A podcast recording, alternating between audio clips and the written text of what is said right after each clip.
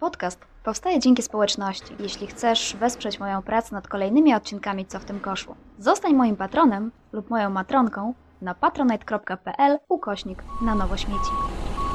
Cześć, z tej strony Julia Wizowska. Dla znajomych babka od śmieci.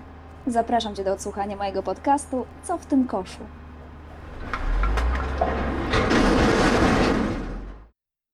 Zmiany, zmiany, zmiany, zmiany. 2020 rok przyjechał po nas po prostu jak jakiś walec.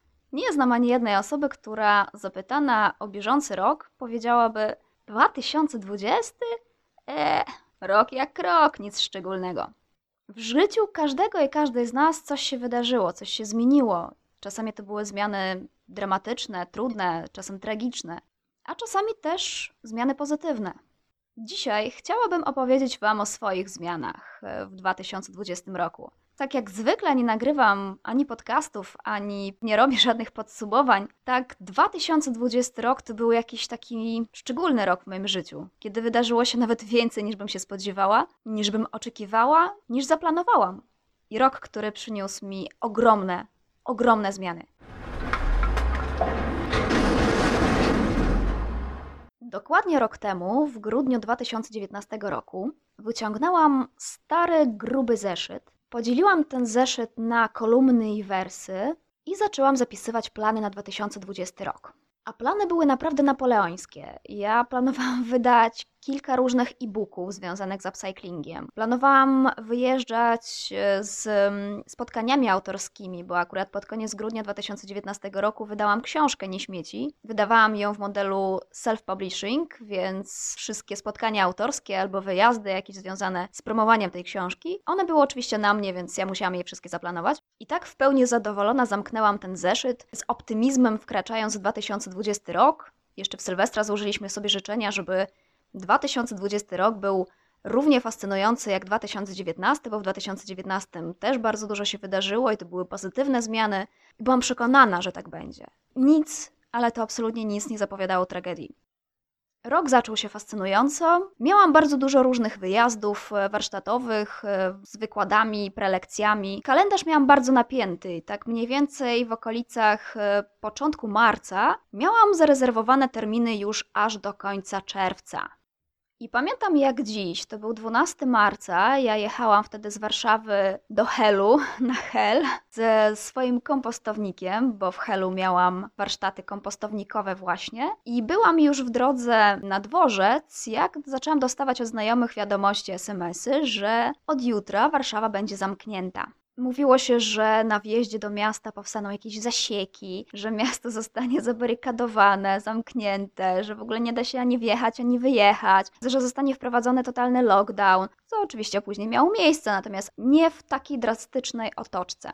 Ale jechałam do Hello, przytulałam te swoje dżownice w kompostowniku i zastanawiałam się, kurczę, co tu się w ogóle wydarzy następnego dnia? Czy ja będę miała jak wrócić do Warszawy, czy ja w ogóle wrócę do Warszawy? Co tu w ogóle się dzieje? No, a działy się rzeczy naprawdę, no, niesamowite, dlatego że na warsztaty kompostownikowe przyszło dosłownie parę osób, dlatego że atmosfera już była tak napięta. Poprowadziłam te warsztaty, a kiedy wróciłam do hotelu i zerknęłam do swojego telefonu, zobaczyłam ogrom maili, których organizatorzy odwoływali wszystkie wydarzenia, które miały dopiero nastąpić, czyli wszystkie te eventy, wszystkie te warsztaty, wykłady, spotkania autorskie, wszystko to, co miałam zarezerwowane aż do końca czerwca, zostało w jednej chwili odwołane. I następnego dnia, kiedy już oficjalnie wprowadzono w Polsce lockdown, Wracałam wtedy do Warszawy. Oczywiście Warszawa nie została zamknięta, mogłam spokojnie wrócić do domu. Co chwila dostawałam kolejne powiadomienie o mailu. Ja już nawet tych maili nie otwierałam, bo ja już wiedziałam, co będzie w tych mailach. W jednej chwili zostało położone na łopatki to wszystko, nad czym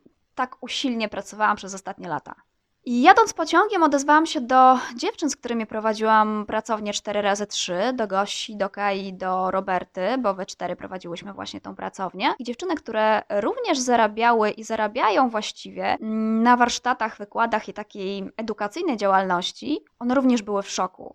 I postanowiłyśmy, że tego dnia spotkamy się w pracowni, wszystkie cztery, i zrobimy taką sobie naradę. Co dalej? Wysiadłam na centralnym razem z tym swoim kompostownikiem w walizce na kółkach i tak te swoje bąble tarabaniłam do naszej pracowni. Spotkałyśmy się późnym wieczorem i właściwie do chyba do północy, jeżeli mnie pamięć nie myli, zastanawiałyśmy się nad tym, co dalej. Ale wiedziałyśmy, że nie możemy się poddać, nie, nie możemy po prostu to odpuścić i usiąść, składając ręce i nic kompletnie nie robiąc. Byłyśmy odpowiedzialne nie tylko za siebie, siebie, ale również i za pracownię, za którą trzeba było zapłacić. I za swoje rodziny, i za te koszty, które są związane z prowadzeniem działalności. I wynikiem tego spotkania były później skórki, czyli nasz e-book Skórki, Ogryski, Ogonki, 52 przepisy na dania, napoje, eliksiry i kosmetyki na czasy, na czasy kryzysu.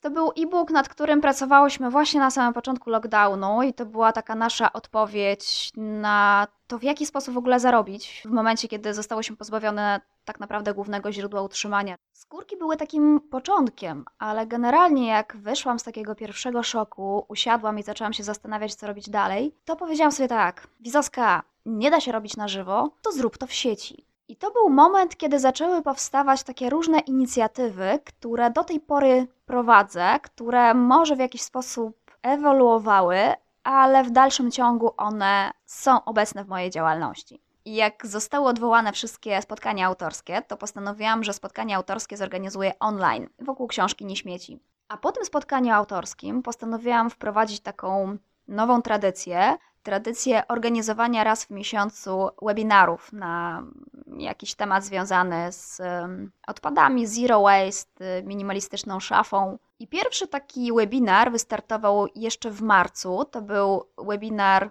jak zmieścić kosze do segregacji y, w małym mieszkaniu. To był webinar, który jak do tej pory był najbardziej popularny, najbardziej oblegany. Pamiętam, że na ten webinar zapisało się chyba z półtora tysiąca osób. Wzięło udział troszkę mniej, ale mm, jak dotąd to też jest naj, najchętniej kupowany zapis webinaru. Wtedy też prowadziłam takie zasady, że udział w moich webinarach jest absolutnie bezpłatny. Każdy może się zapisać, każdy może wziąć w nich udział, tylko no właśnie, trzeba się zapisać na te webinary, żeby mogła podesłać link do pokoju webinarowego. Każdy, kto się zapisze na webinar, w pierwszych dniach po webinarze może kupić nagranie za ułamek ceny. W tym momencie to jest 9 zł bodajże. Także nawet jeżeli ktoś nie mógł wziąć udziału w webinarze, to bardzo chętnie się e, zapisywał, dlatego że zakup często dwugodzinnego nagrania za 9 zł to jest naprawdę atrakcyjna propozycja.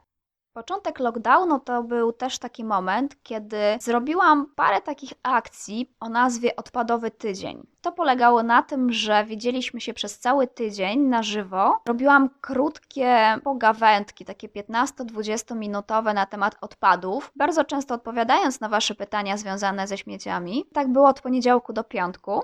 I te odpadowe tygodnie to były oczywiście takie pierwsze zalążki odpadowych śród, które się odbywają regularnie co tydzień w środę o 11 na moim Instagramie. To są live'y, podczas których odpowiadam na Wasze pytania związane z odpadami. I ta tradycja do tej pory jest żywa, do tej pory odpadowe środy się odbywają i w sumie cieszą się niesłabnącą popularnością. W związku z brakiem aktywności zawodowej, albo może z ograniczeniem aktywności zawodowej, zaczęłam się przyglądać swojej działalności, zaczęłam robić porządki w tej działalności. Tak na przykład przyjrzałam się newsletterowi. Wcześniej wysłałam newslettery w momencie, kiedy miałam jakąś ofertę, w momencie, kiedy była jakaś zniżka, kiedy chciałam poinformować o tym, że jakiś nowy produkt trafił do kramu. Taka wiecie, po prostu informacja o promocjach, rabatach, nowościach postanowiłam uporządkować newsletter. Nazwałam go liścikiem bez śmieci i zaczęłam wysyłać regularnie co czwartek. To już nie były informacje o rabatach, promocjach, nowych produktach. Każdy z tych liścików zawierał jakąś ważną dla mnie informację. Albo się dzieliłam swoim doświadczeniem, albo się dzieliłam jakimś wydarzeniem, które było obecne w moim życiu. Albo zwracam uwagę na jakiś problem. Jak zaczęłam regularnie wysyłać te liściki, to powiem szczerze, że w pierwszych kilku tygodniach z mojej listy newsletterowej wypisało się kilkaset osób.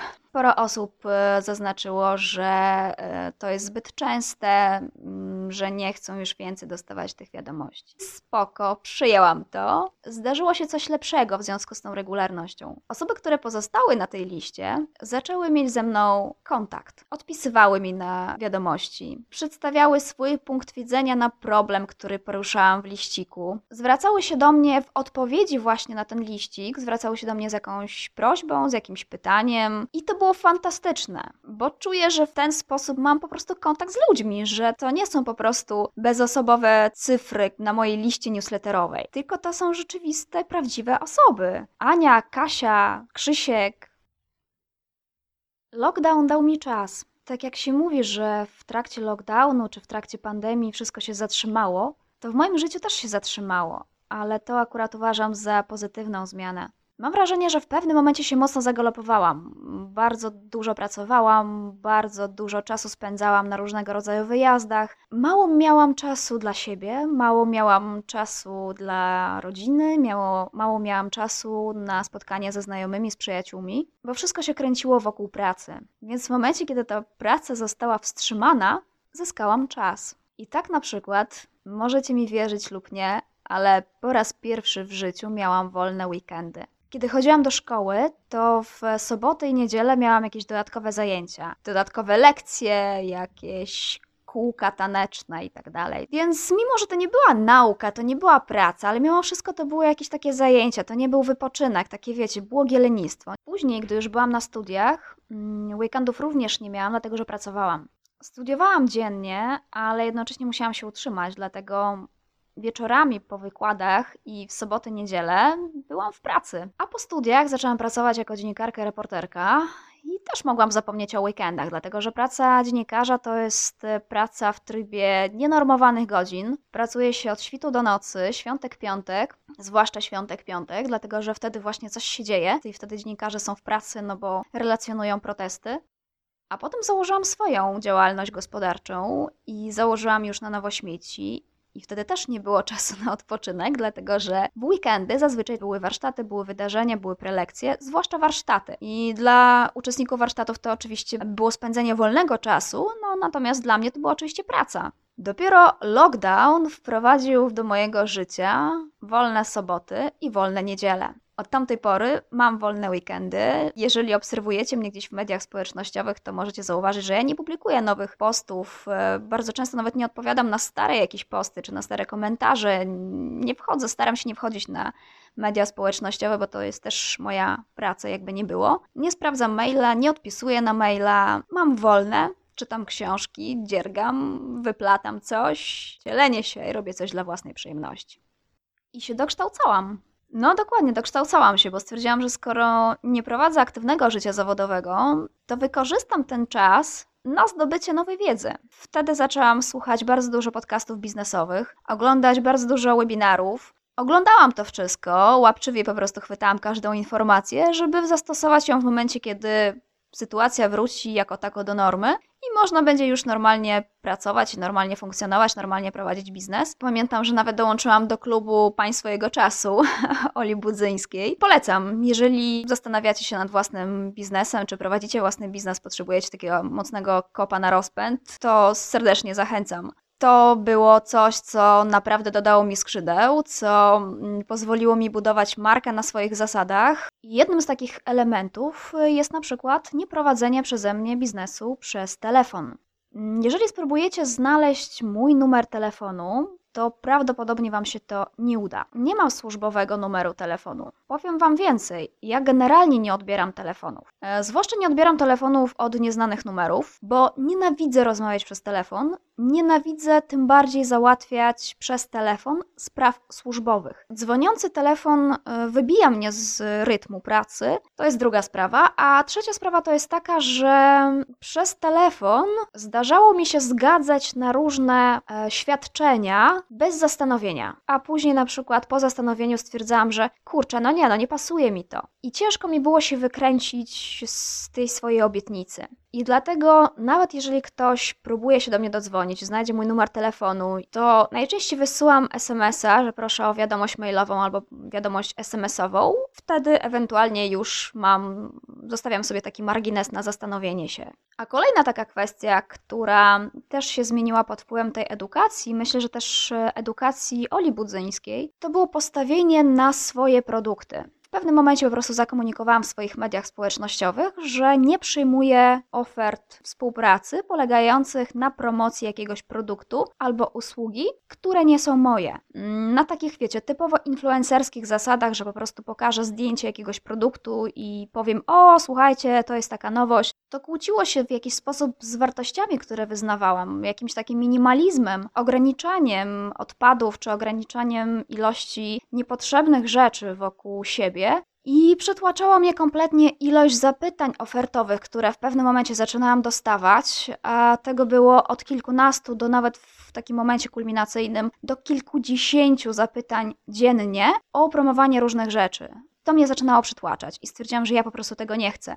I jeżeli będę promować coś, to będę promowała tylko wyłącznie swoje produkty, za które mogę wziąć odpowiedzialność, co do których jestem pewna, w jakich warunkach powstawały, co do których jestem pewna, że jest tam fair trade, bo zawsze wynagradzam osoby, z którymi współpracuję w taki sposób, jaki sobie życzą. Jakby nie narzucam nigdy z góry wynagrodzeń. Ale to też w dużej mierze są produkty ekologiczne, czy produkty stworzone w sposób przyjazny dla środowiska i naprawdę są w taki sposób stworzone, bo po prostu nie wyobrażam sobie, żebym robiła coś inaczej. A wracając do tych pandemicznych wydarzeń, w związku z tym, że zyskałam czas, to postanowiłam zrealizować coś, o czym już dawno myślałam, a na co wcześniej nie miałam przestrzeni i właśnie, no właśnie czasu. I mówię tutaj na przykład o podcaście, co w tym koszu zaczęłam nagrywać e, gdzieś pod koniec kwietnia. W maju wyszedł pierwszy odcinek. Druga taka aktywność to audiobook. Nie wiem, czy wiecie, ale w pewnym momencie do kramu trafił audiobook książki Nie śmieci. I tego audiobooka nagrałam sama, przeczytałam sama i zmontowałam sama. To była porażka. Dlatego, że sprzedało się może kilkanaście egzemplarzy. A te egzemplarze, które zostały sprzedane, później częściowo były reklamowane, dlatego że nagrałam tego audiobooka takim ciurkiem, bez podziału na rozdziały. Jakby też nie mając doświadczenia w nagrywaniu e, audiobooków, 10 godzin materiału audio to nie było wygodne do słuchania. I mogłabym przemontować ten plik i wrzucić z powrotem do kramu, ale w pewnym momencie postanowiłam po prostu wycofać tego audiobooka, bo nie było sensu tracić znowu czasu na kolejny montaż. Audiobook nie miał brania. I to była bardzo ważna lekcja, jaką wyniosłam mm, w tym roku. Jak mamy do podjęcia jakąś taką decyzję inwestycyjną, czy decyzję związaną z rozwojem firmy, to jasne, warto słuchać ludzi, którzy proszą nas o wypuszczenie tego produktu. Mm, warto zwracać uwagę na potrzeby odbiorców, czy na potrzeby osób, które gdzieś tam nas obserwują, e, czytają, słuchają, ale w dużej mierze trzeba się jednak oprzeć na własnej intuicji. Moja intuicja podpowiadała, że bez sensu jest nagrywać audiobook, Natomiast dostawałam tak bardzo dużo głosów, że to by się przydało, że fajnie by było mieć e, taki audiobook do posłuchania, a nie do czytania, że uległam tym głosom i nagrałam. I w rezultacie nawet te osoby, które prosiły mnie o tego audiobooka, wcale nie były nim zainteresowane. I powiem Wam, że to była naprawdę mega, mega ważna lekcja biznesowa. Bo czym innym są aktywności, które wynikają z takiej wewnętrznej potrzeby czy wewnętrznej fascynacji tematem, i jak ja się tym tematem fascynuję, zaczynam się dzielić nim, to zarażam też całe otoczenie tym tematem. Mam na przykład na myśli różnego rodzaju zioła. Rozpoczynam dzień relacją na Instagramie e, z nową mieszanką ziół i mówię, a dzień dobry w poniedziałek, czy tam dzień dobry we wtorek. Dzisiaj towarzyszy mi w moim dniu, nie wiem, lawenda z żeńszeniem i werbeną cytrynową. I pokazuję, jak wygląda ten napar, opisuję, co jest w tym kubku. Tak już od jakiegoś czasu po prostu wrzucam zdjęcia tych swoich naparów. E, dla mnie jest to fascynująca przygoda, ale też widzę, jak dużo osób też to lubi, jak dużo osób się mnie pyta w ogóle o te napary, jak ja robię te mieszanki, czy mi to pomaga, na co mi pomaga. I to jest taki fascynujący przykład, że zioła zupełnie przypadkiem do mnie trafiły. Dziewczyny, z którymi prowadziłam pracownię 4x3, tu mam na myśli głównie dwie dziewczyny, Gosię i Kaję, duet Mad Ladies, poradziły mi, żebym się napiła na włoci. I wiecie, to nie była taka wrzuta. Ej, ty, weź się napij na włoci. No, chyba twoja stara. Nie, to była konkretna porada w związku z moją alergią. A ja jestem alergiczką, mam alergię wziewną od kilku lat. Dość nagle, ale drastycznie wkroczyła do mojego życia, bo od maja do września mniej więcej ja po prostu jadę na prochach. I dzięki tym lekom byłam w stanie e, jakkolwiek w ogóle myśleć, jakkolwiek zbierać e, myśli i cokolwiek w ogóle robić w życiu, bo inaczej byłam totalnie rozbita i mm, jedyne co mogłam robić to tylko smarkać w chusteczki. Natomiast leki, jak każde właściwie, mają swoje efekty e, uboczne. I tymi efektami ubocznymi był ból głowy bardzo często, bo mi po prostu zatykały zatoki. Czułam każde kichnięcie sąsiada pięć pięter pode mną. W tym roku jeszcze alergia się nasiliła. No i dziewczyny poradziły mi, żebym się napiła na włoci, bo na włoć e, bardzo dobrze działa na alergię. I stwierdziłam, dobra, nie mam nic do stracenia.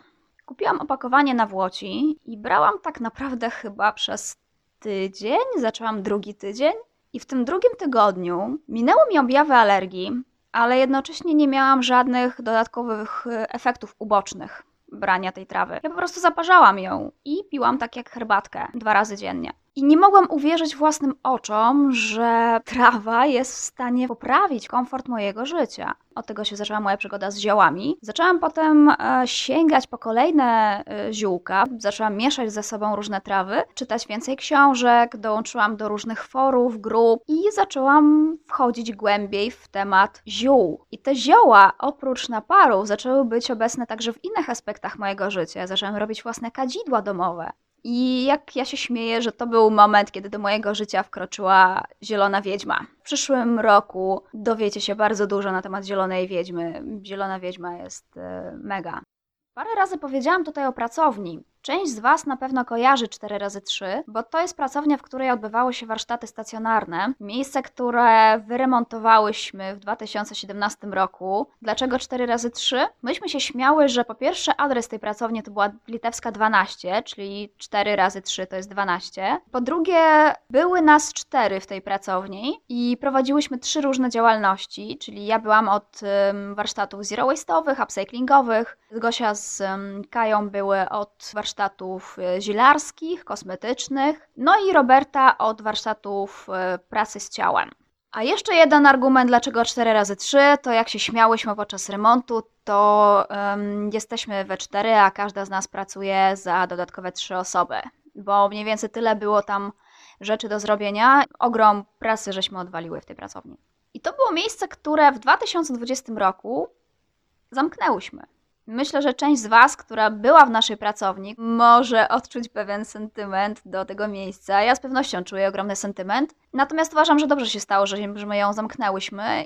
Wynajęłyśmy pracownię, wynajęłyśmy miejsce pod pracownię od miasta i umowę podpisałyśmy na 3 lata. I w 2020 roku, w lipcu 2020 roku, te 3 lata minęły. I mogłyśmy oczywiście starać się o kolejny przetarg, ale po naradzie stwierdziłyśmy, że nie ma sensu. Z mojej strony argumenty przemawiające zamknięciem były takie, że od połowy zeszłego roku, czyli 2019, nie prowadziłam w pracowni praktycznie żadnych warsztatów. Ja się skupiłam przede wszystkim na książce. To był bardzo gorący okres, kiedy kończyłam pisanie nieśmieci. Wydawałam, mm, pakowałam i wysyłałam książkę, więc naprawdę nie miałam głowy do tego, żeby organizować warsztaty w pracowni, ale za przestrzeń płaciłam. Więc tak naprawdę ta przestrzeń generowała straty, a nie generowała praktycznie żadnych zysków. Kolejną sprawą był oczywiście lockdown. W związku z tym, że nie wiadomo do jakiego momentu potrwają wszystkie te zamknięcia,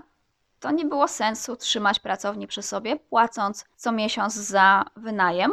No a kolejny, już trzeci powód był też taki, że po prostu po trzech latach każda z nas e, ma już jakiś inny, nowy pomysł, w którą stronę pójść. więc nie pozostało nic innego jak pożegnać się z tym miejscem i po prostu ruszyć dalej. W tym 2020 roku już nie miałam głowy do pracowni, bo skupiłam się w dużej mierze na promocji książki. I najbardziej fascynujące dla mnie jest to, że pierwszy nakład, nie śmieci, wyprzedał się w samym środku całego tego Saigonu pandemicznego. I to było szaleństwo. To był sam środek pandemii, sytuacja bardzo depresyjna, bo ludzie tracą pracę, bo firmy bankrutują, zwalniają, a mi tymczasem sprzedał się cały nakład. A jeszcze większym szaleństwem było to, że postanowiłam, no właśnie wtedy, w tym całym środku pandemii, wydrukować drugi nakład, nie śmieci.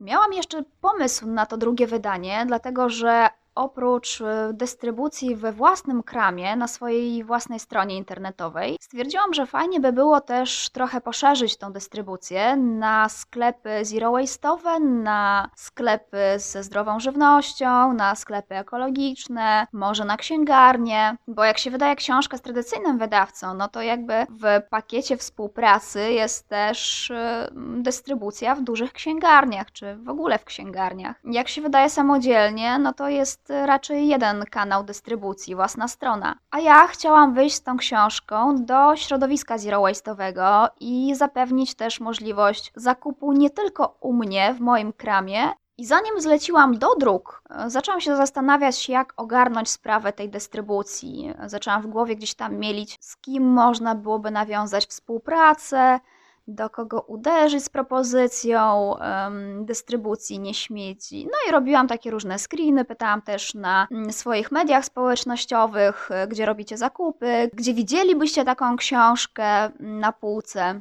I wyobraźcie sobie, że właśnie w tym momencie odezwała się do mnie Asia.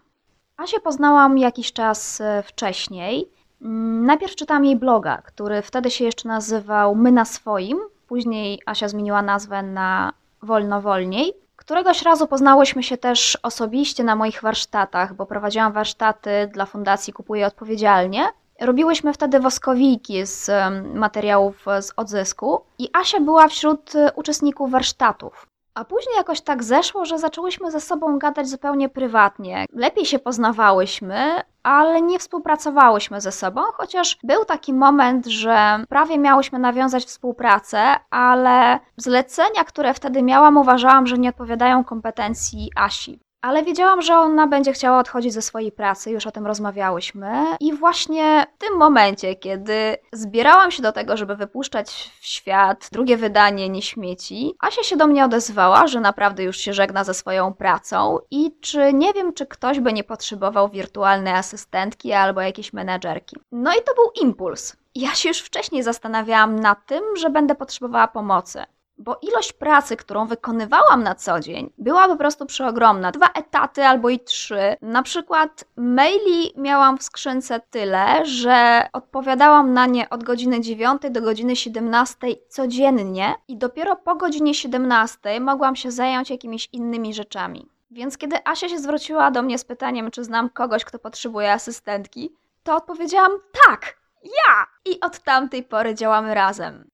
Ale mimo impulsywności tej decyzji, to jednak nie była ona łatwa, dlatego że ja nie wyobrażałam sobie wcześniej, żeby trochę się posunąć w tej swojej działalności i zrobić miejsce jeszcze dla kogoś innego. To znaczy, ja byłam tak bardzo osadzona w tej firmie swojej i tak bardzo przyzwyczajona do tego, że ja wszystko sama robię, ja wszystkim sama zarządzam, jestem na każdym polu aktywności. I to była nasza rozkmina, w jaki sposób zakomunikować światu, że na nowo śmieci to już nie jestem tylko ja, że w na nowo śmieci jest też jeszcze jedna osoba, właśnie Asia. Ja mówię, Asia, Jezu, ja nie wiem, no bo do tej pory to ja byłam twarzą tej firmy, swoją prawą ręką, lewą ręką, prawą nogą, lewą nogą, tyłkiem, po prostu byłam każdym członkiem tej firmy, a w tym momencie w jaki sposób mam zakomunikować, że, że jesteś jako kto w tej firmie? I wtedy, słuchajcie, właśnie powstała nazwa stanowiska Asi. Prawa ręka i lewa noga Julii Wizowskiej. I tak Asia oficjalnie się podpisuje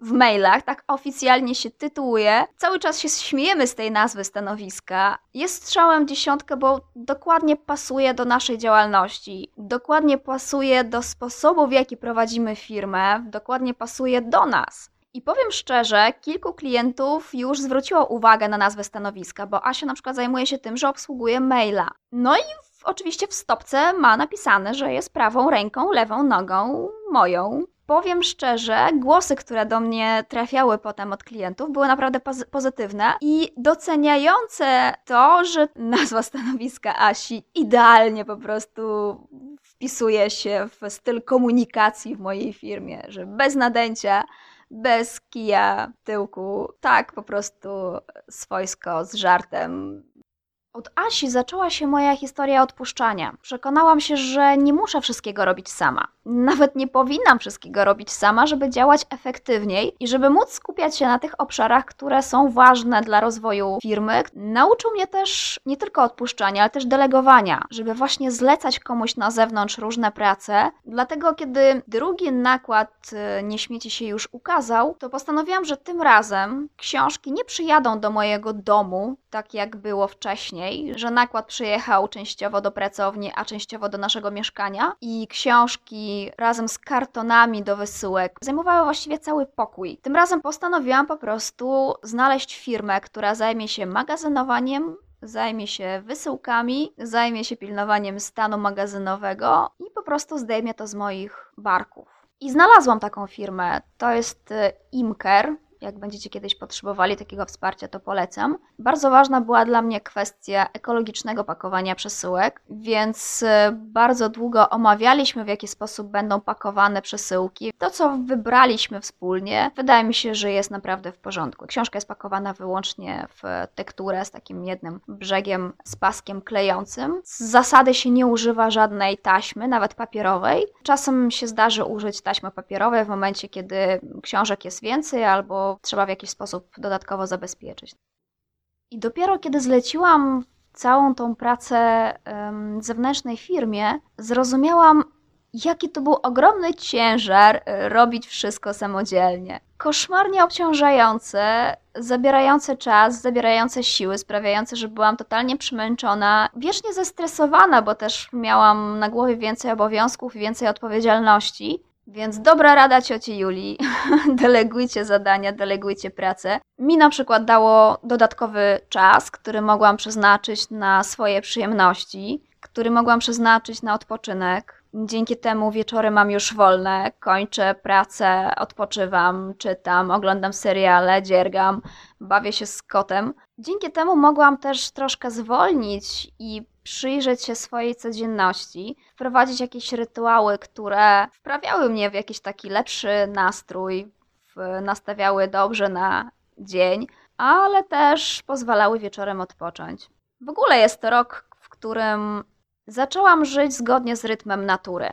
I ja to bardzo mocno poczułam dopiero pod koniec roku, teraz na jesieni, kiedy dotarło do mnie, że jesień to nie lato.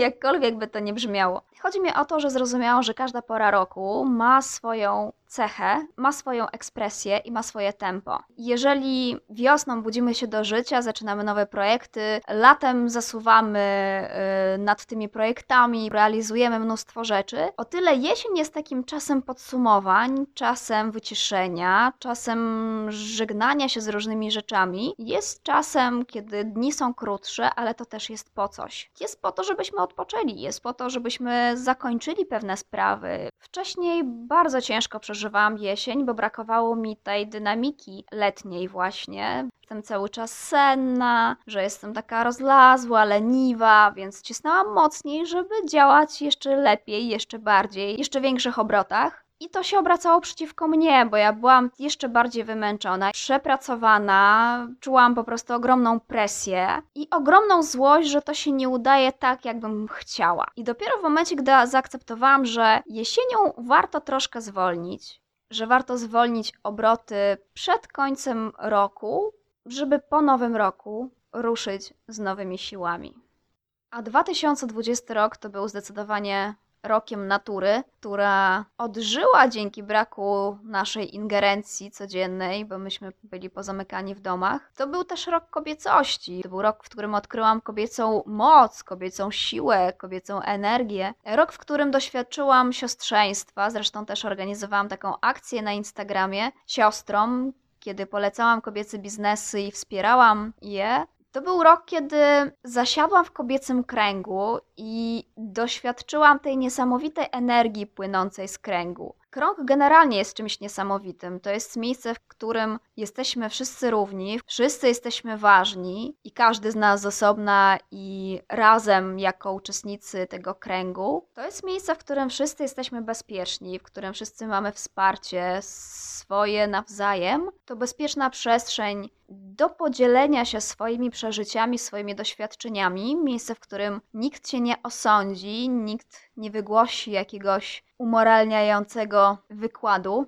A dla mnie to był też rok, kiedy połączyłam właśnie tą kobiecość z pogaństwem, bo od dłuższego czasu czytam, słucham, dowiaduję się na temat nowych badań nad kulturą słowiańską, która mi jest e, szczególnie bliska, obyczaje, zwyczaje, religia, więc zaczęłam ćwiczyć gimnastykę słowiańską. To jest takie połączenie właśnie kobiecości, mm, tradycji słowiańskiej. To generalnie był rok, w którym poczułam się kobieco jak nigdy. W ogóle w życiu bym nie pomyślała, że zacznę chodzić w samych sukienkach i spódnicach, a spodnie totalnie wyjadą z mojej szafy. Co ciekawe, ta przemiana ze spodni w spódnicę i sukienki, ona nie była przemyślana, nie była, nie była celowa. To się zadziało zupełnym przypadkiem. Powód był bardzo banalny.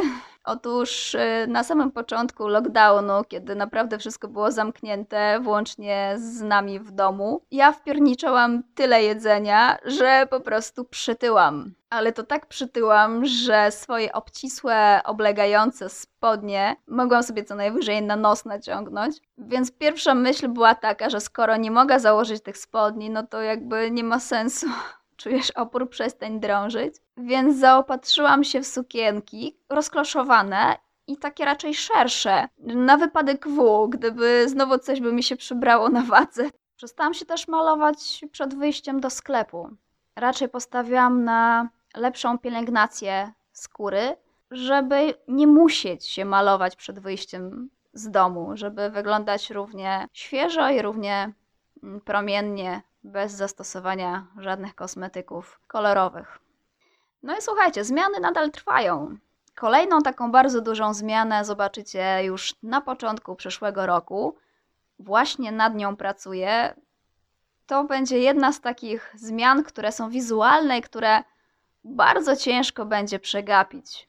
Ale mam też w planach takie zmiany, które przyjdą w trakcie roku, które bardzo mocno ze mną teraz rezonują a których się możecie zupełnie, ale to zupełnie się nie spodziewać. Trzymajcie się. Życzę Wam wesołych świąt, jakiekolwiek święta obchodzicie, dużo ciepła, dużo zrozumienia i dużo, dużo, dużo dobrego. To była Wasza babka od śmieci. Pa, pa! Oczywiście praca nad tym odcinkiem była możliwa dzięki wsparciu moich matronek i moich patronów. Mówiłam to już nieraz, ale powtórzę się. To właśnie dzięki Wam powstaje ten podcast. Dziękuję Wam z całego serca. A jeśli ktoś z Was chciałby dołączyć do grona patronów i wesprzeć mnie w tym, co robię, to zapraszam na patronite.pl ukośnik na nowo śmieci.